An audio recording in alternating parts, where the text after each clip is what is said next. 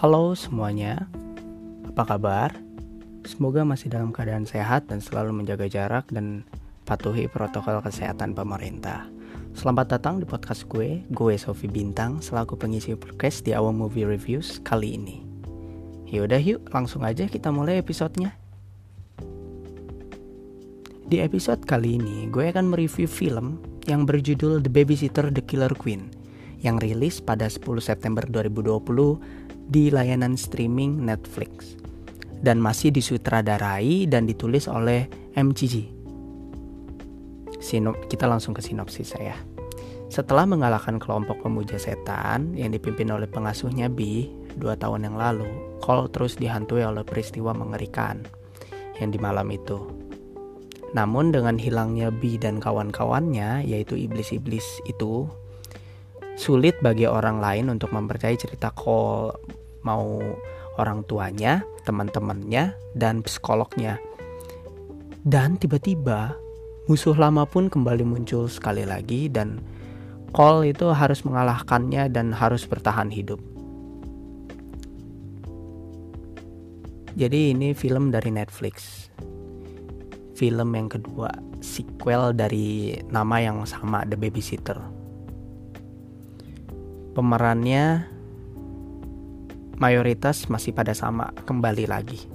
Dengan sedikit tambahan pemain baru yang di bagian si iblis pemain barunya menurut gue bodoh banget gak penting. On lah gitu.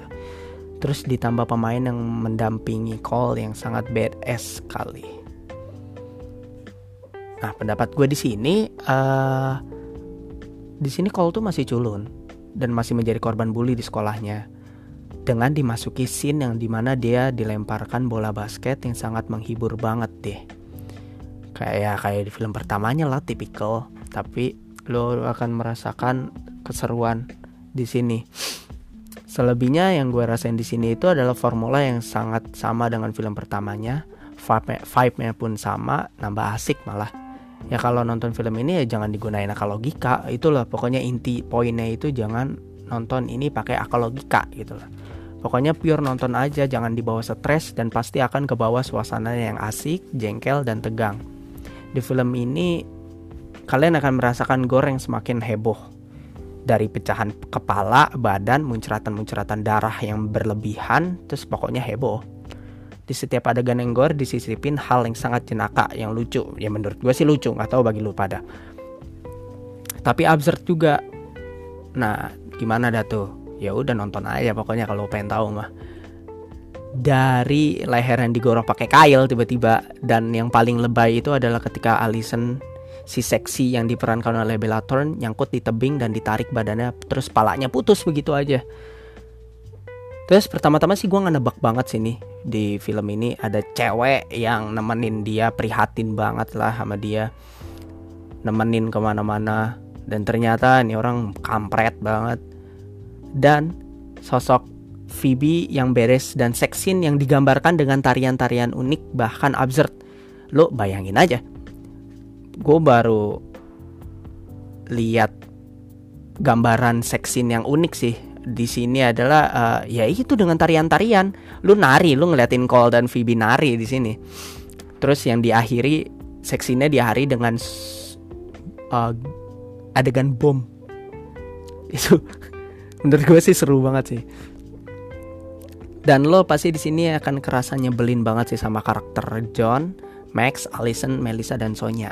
Si iblis itu walau gue udah nonton yang pertama tapi gue ngelihatnya masih tetap nyebelin aja dan tambah heboh serta asik ini film cocok banget ditonton pas weekend sama teman-teman lo ya maupun lo sendiri ya bebas lah. Atau nggak lo nonton Netflix terus di web pakai teleparty tuh rame-rame lo tonton. Ini cocok banget apalagi sekarang Oktober. Yaitu Spooktober yoi. Hal yang gak gue demen di sini adalah hmm, bunuh-bunuhan yang lebay. Over. Gue lebih suka gue lebih prefer yang film pertama ketimbang yang kedua dan akhirnya lo di film ini sih di, di film babysitter akhirnya lo tahu background background si Max, John, Alison dan lain-lain. Itu kenapa dia bikin perjanjian dengan iblis tuh. Lo akan tahu di sini. Dan kayaknya juga ini film terakhir. Kenapa film terakhir? Karena menurut gue di endingnya itu sudah jelas. Ya, mereka mereka udah pada meledak. Karena kan darahnya sih itu udah nggak polos lagi nggak murni lagi kayak di film pertama kan dia masih murni ya karena sekarang itu dia udah ngesek sama VB ya berarti kan udah nggak murni nah jadi menurut gue di sini udah kelar gitu loh yang pengen darahnya aja udah pada mati cuman nggak tahu sih mungkin kan penulis-penulis kreatif yang bisa menyambung-nyambungin suatu cerita ya bisa-bisa aja. Dan kalau ini ada orang-orang pada nanya, Samara ada lagi gak? Ya ada lah, Samara itu ada lagi di sini. Tapi di ending deh. Si B ini di ending dan di adalah disisipin di back apa disisipin di adegan flashback flashback ya Terus ada yang nanya nih, misalkan ada yang nanya nih, nonton ini harus ada nonton yang pertama gak? Menurut gue, enggak juga sih, gak ngaruh masalahnya, gak ngaruh-ngaruh banget. Di film keduanya semuanya ada flashback kayak dijelasin ulang, jadi kita nggak perlu stres-stres gitu. Kok gini sih tiba-tiba, kok gitu? Ya tapi kalau lu mau lebih yang lebih berasa vibe serunya, berasa koneksi komedi dan gorenya, lo tonton yang pertama dan lo lebih ngerasa serunya tegang ya di film pertamanya ya gue pribadi sih nyaranin lo nonton yang film pertamanya dulu ya lumayan boy. Kalau di film pertama kan full ada Samara Weaving. Dan lebih seru pecah banget. Oke. Sekarang gue kasih skornya aja nih ya. Untuk yang film keduanya gue kasih 7 dari 10 7 per 10 karena di film ini tuh masih asik banget ditonton komedinya gila dan gorengnya gila. Still fun as fuck bro. Itu sih. Lo wajib banget nonton ini.